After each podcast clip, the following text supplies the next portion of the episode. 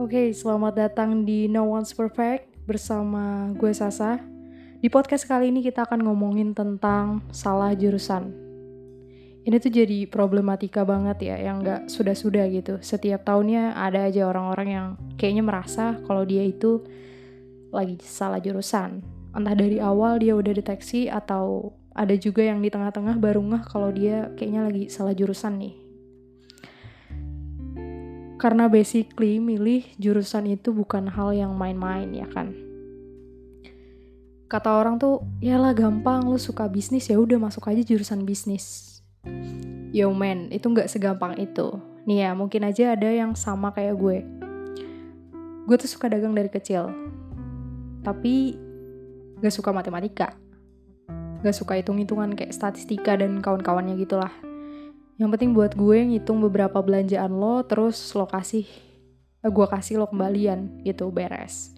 Sedangkan di jurusan bisnis, itu mata kuliahnya kebanyakan matematika. Dan gue sadar kalau gue gak suka matematika dan gak jago matematika. Nah jadi itu masuk pertimbangan. Belum lagi kalau banyak saingan kayak PTN atau PTS, kalau jurusan bisnis biasanya rame tuh saingannya.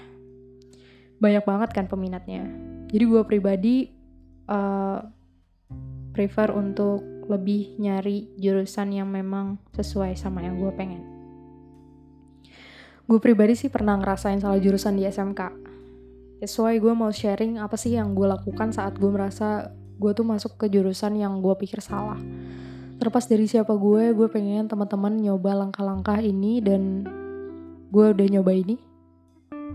Insya Allah manjur tapi gue harap kalian uh, lebih objektif kalau memang kalian sudah melakukan serangkaian cara supaya bisa nerima dan bisa akur gitu sama jurusan yang kalian pikir salah, tapi masih aja tuh jurusan itu berasa amat sangat beban melebihi kapasiti kalian, silahkan.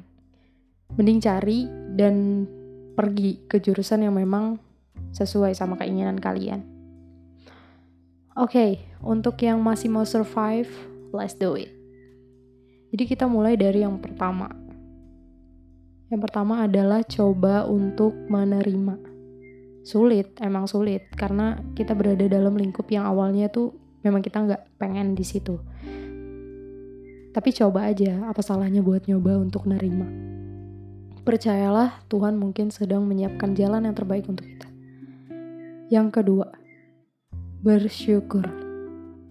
Karena banyak orang di luar sana yang mungkin aja pengen ada di posisi kita. Kurangi keluh kesah, lapangkan hati, dan mulailah mengucap syukur. Next yang ketiga, cari motivasi. Salah satunya dengan nyoba untuk cari prospek kerja jurusan yang lagi kamu jalani. Siapa tahu lebih baik dan lebih menjamin daripada jurusan yang emang kamu pengen. Terus apa yang jadi motivasi lo dalam hidup? Cari aja, tanyain aja di benak lo.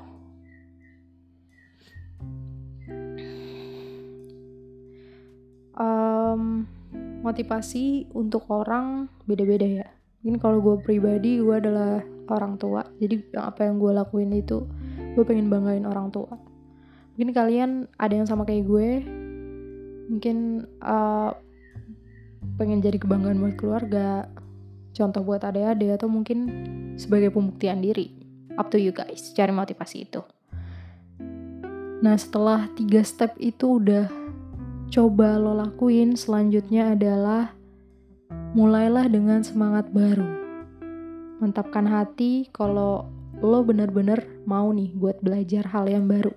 Bahkan sama sekali yang lo nggak pernah tahu dan lo nggak pernah dengar sebelumnya, tapi lo harus belajar di jurusan ini. Dan kita sampai kepada step yang terakhir. Ini tentang mindset. Jadi ayo kita buang kalimat, eh gue kayaknya gak bisa deh. Hal ini tuh harus banget ditanamkan di benak kita masing-masing. Kalau itu ada hal, kalau misalnya ada hal yang memang banyak datangin manfaat daripada mudarat, kenapa kita harus bilang gak bisa? Kalau kita sebenarnya bisa bikin mindset bisa. basically semua hal yang kita lakukan, mindset yang kita buat itu bakal berpengaruh dan balik lagi ke kita. Jadi semua tergantung kita mau bisa atau enggak. Mau belajar atau diem-diem aja. So, itu 5 step yang coba gue lakukan saat gue merasa gue berada di jurusan yang salah. Lebih baik deteksi dari awal. Yang bahaya itu saat lo dari awal udah mantep nih pilih jurusan. Misalnya jurusan akuntansi, udah mantep terus di tengah baru nyadar eh kayaknya gue nggak kuat deh di jurusan ini karena ngelihat beban dan mata kuliahnya itu berat banget gitu nggak cocok sama lo jadi tolong jangan terlambat untuk menyadari itu mendeteksi itu deteksi dari awal kalau misalnya memang gak cocok sama lo ayo berusaha untuk cari jurusan yang lain oke okay. Kita sampai pada pesan dari podcast ini adalah Tuhan tahu apa yang kamu inginkan, tapi Tuhan lebih tahu apa yang kamu butuhkan. Gua kutip dari motivator Meridiana bahwa salah jurusan bukan berarti salah masa depan. Dan bagi gue salah jurusan bukan berarti lo salah segalanya.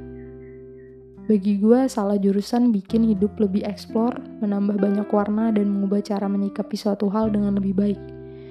Terima kasih yang sudah dengerin podcast ini. See you on my next podcast. Bye.